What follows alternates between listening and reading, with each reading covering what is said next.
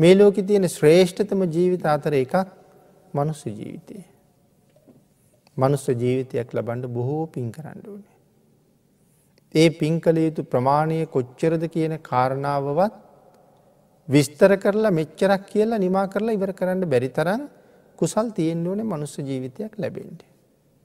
ඒ කාරණාව ධර්මයෙන් පැහැදිලි කරෙනකොට තේරෙනවා මේ මනුස්ස ජීවිතය ලබන්ඩ එහෙමනං සංසාරය මම කොයි තරම් පින් කරන්න ඇද්ද කියන කාරණාව එදාට ඒ පුද්ගලයට හිතෙනවා. ඒ තරං මහත්ඵල මහානිසංසදායක කුසල් වල එකතුවීමක් ප්‍රතිඵලයක් තමයි මනුස්ස ජීවිතයක් කියල කිවී. තාම දුර්ල බොවූ ජීවිතයක්. බුදුරජාණන් වහන්සේ නම් මේකට බොහෝ උදාහරණ ගෙනහැර දක්වලා පෙන්වා. මේ උදාහරණය මේ අයි නිතර නිතර අහලා තියෙන උදාහරණයක්. හැබැයි ඇහුවට අපි කොච්චර දුරට ඒක ගැන හිතුවද දන්නේ. මේ උදාහරණය සඳහන් වෙන්නේ බාල පණ්ඩිත සූත්‍රයේ. මනුස්ස ජීවිතයක් කොච්චර දුර්ලබද. ආං එතන පැහැදිලි කළා මේ මහසාගරයේ අවුරුදු ගණනාවක නැත්තං අවුරුදු සීයකට සැරයක්. සාගරයේ පතුලි ඉඳලා කැස්බෑවෙක් උඩට එනවා. එය අවුරුදු සීයකට එක පාර යෙන්නේ. එක ඇහැක් කණවිච්ච කෙනෙ. එතට මේ සාගරය කියන උපමාව විතරක් අපි කල්පනා කරන්නකු පිනතින සාගරයේ කොච්චර ලොකුද. අපිට කවදාවත් මුළු සාගරයම දැකගන්න ලැබෙන්නෙම ලැබෙන්නෙම නෑ. අපි සාගරය ළඟට ගිහිල්ල බැලුවත් අපිට පෙවුණේ ඇස් දෙකට පේන තරම් බොහොම පුංචි ප්‍රමාණයක් විතරයි. හැබැයි අපිට පෙනුනට වඩා ලක්ස ගණනකින් සාගරය ඉතාම විශාලයි. එතකොට මේ දැවන්ත සාගරයෙන් මේ සත්වයා කොහෙන් මතුවේද කියලවත් අපිට හිතාගන්න හිතාගන්න බෑ. එතකොට මෙයා උඩට එන්නේ අවුරුදු සීයකට එක පාරයි. මිලකට සඳහන් කරනවා මේ සාගරයේ තියෙනවා වැටිලා විය ගහක්. ඒ වියගහහි තියෙන එක සිදුරයි. මේ වියගහත් සිව් දිසාවෙන් හමන හුළඟින් සිව් පැත්තරම පාවිවී පාවිවී තියෙනවා. අපිට හිතන්ඩ පුළුහන්ද අවුරුදු සීයකට වතාවක් උඩට එනාර කැස්පෑවට මේ වියගහ හම්බ වී කියලා. එයා කොහෙන් එයිද විය ගහ කොහිතියේද කියලා හිතාගණ්ඩ බැකවදාවත්. මෙයාට වියගහ හම්බ වෙනවා කියන කාරණාව නෙමෙයි එතන තියෙන්නේ.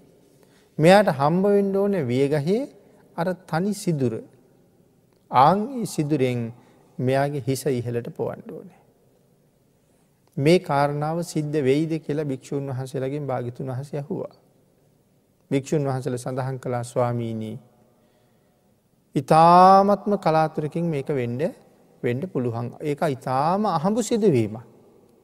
බහෝම කලාතුරකින් වෙන්ඩ පුළුවන් වෙන්නේ නෑ කියලම කියන්න බෑනේ කලාතුරකින් වෙන්ඩ පුළුවන්.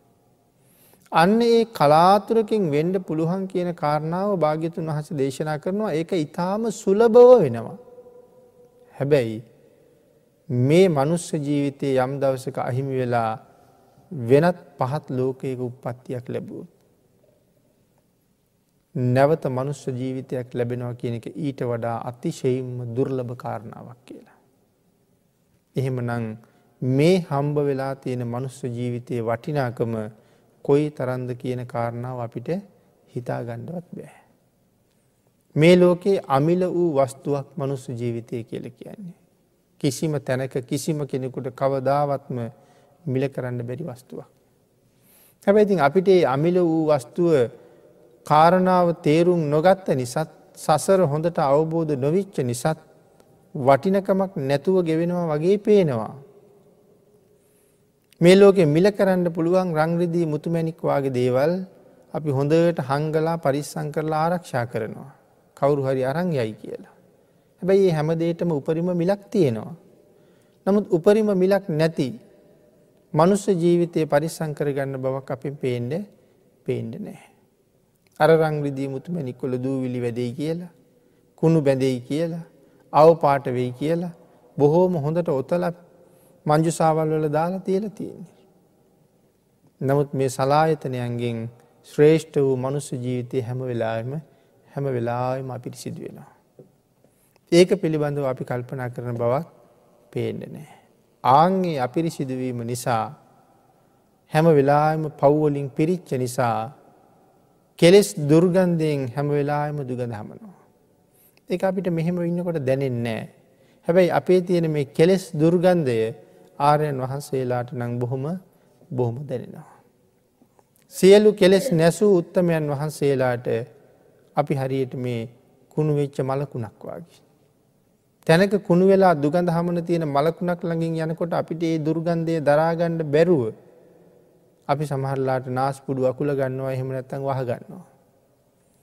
අපේ තියෙන කෙලෙස් දුර්ගන්ධය ගාව ආර්යන් වහන්සේලාටත් ඒ විදිහටම දැනෙනව ඇති.